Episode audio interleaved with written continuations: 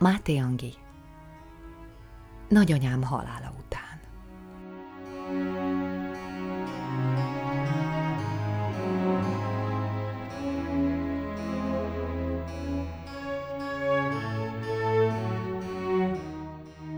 Nagyanyám halála után minden a helyére került. A pontosan visszakerülő römilapok dobozánkat így a tető mindenki megnyugvására, hogy nem kell előről kezdeni a bebecselést. Valahogy így nyugodhatott meg George, kattogva, hogy da, da, ti nem legatura. Vált el a magukat nevelő szüleimnek kikiáltó Sanyi bácsitól és kicsi anyjától, George, aki anyám férje volt de nem az apám. Jött nagyanyám temetésére ez a George, akiről azt tudtam még nagyanyámtól, hogy verekedős kedveiben végig döngette anyámat az egész pereputtyot, a szomszédokat, a pópát, és ha innia kellett, és gyakran kellett, akkor felnyalábolta a szomszédék veteményágyását, mint egy futószőnyeget, s meg sem állt a hunyadi piacig. Aztán napokig ette a megmaradt zellert, itt a rácújkát. Csodálták a falunbéliek a hunyadon fröccsentett műrózsa koszorúját, ilyet még nem láttak. Meg olyat sem láttak, és ezért a látásért képesek voltak a nyakukat átnyújtani egymás kerítései fölött, csak hogy előbb lecsaphassanak az eseményekre. Hogy akkor mi lesz az árvával? Azaz velem. Nyúlt nyakú gyámhatóság volt a falu. George azt mondta egy virrasztós jókedvében, amikor a szívén igen keresztényi módon kezdett nyitogatni, hogy a malacok is jobban esznek, a többen vannak. Ő szegény Ilikének is megbocsáts, elvisz magával úgy gyermekei mellé. Ezt Irma néni hullatta ki a száján egy óvatlan pillanatban. Ő tudott románul, ő volt a tolmács.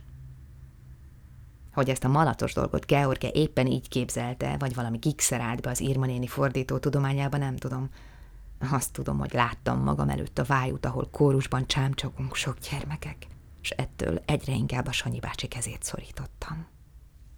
Ezt szerencsére másnapra az ősz csípős reggeli hidege ki is szellőztette a George nemrég még keresztényi szívéből, és már csak azt kérdezte, hány kilométerre van innen a keresztúri árvaház. Ekkor kiáltották ki a megmentésemet Sanyi bácsiék. George is felszusszant, aztán a felszegi porokban diadalmasan, mondhatnám azt is, mint aki jól végezte dolgát, amely dolga az volt, hogy megszabaduljon tőlem valahogyan. Kivonult az állomásra, és végképp elnyelte egy lokomotív. Sanyi bácsi és Klári néni pedig úgy kattogtak, mint két vagy tízszer két pontosan záródó römisdoboz örömükben, a helyén lévőség miatt és folyt az életünk úgy, mint nagyanyám halála előtt párszor én már közöttük. Felvettem az életük alakját ribizli ször poharastul. Így könnyedén az övék lettem. Nem tudom, mikor lettek végül olyanok az idők, hogy nem álmodtam malacokat, georgékot, árvaházakat.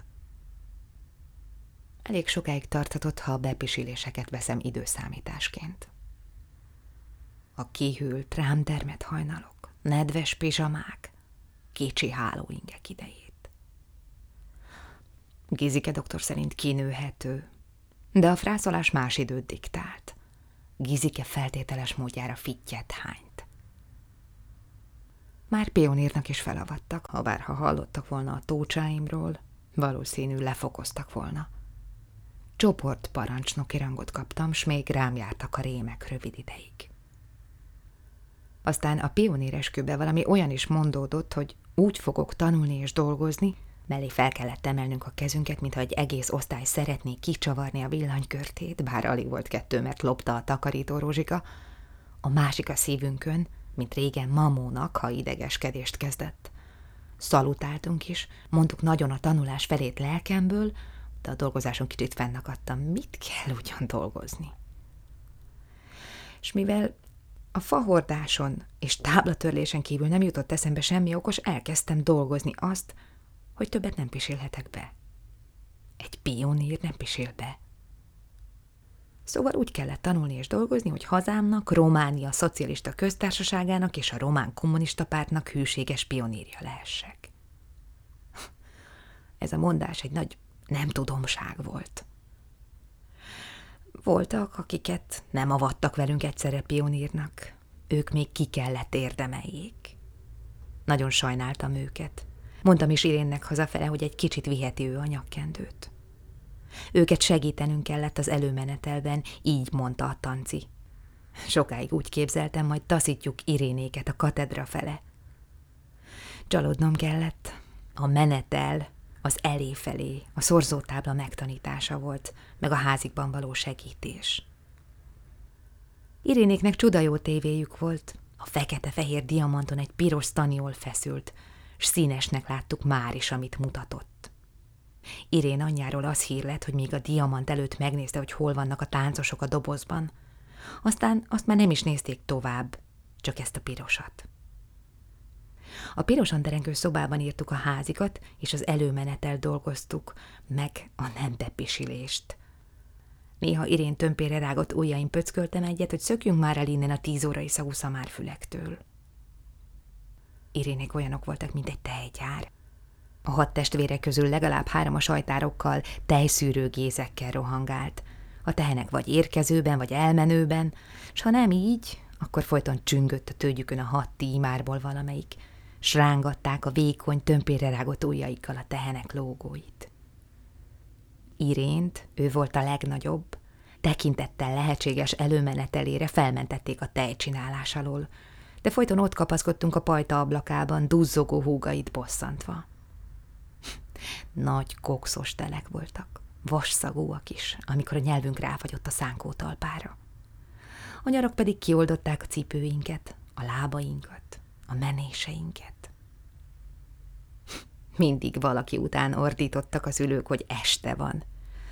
Ezt tudatták eléggé hangosan, ám fölöslegesen. Ordíthatták volna, hogy nyár van, fiam, vagy ősz, vagy bármi évszak. Mert azok csak voltak. Tudtunk nélkül.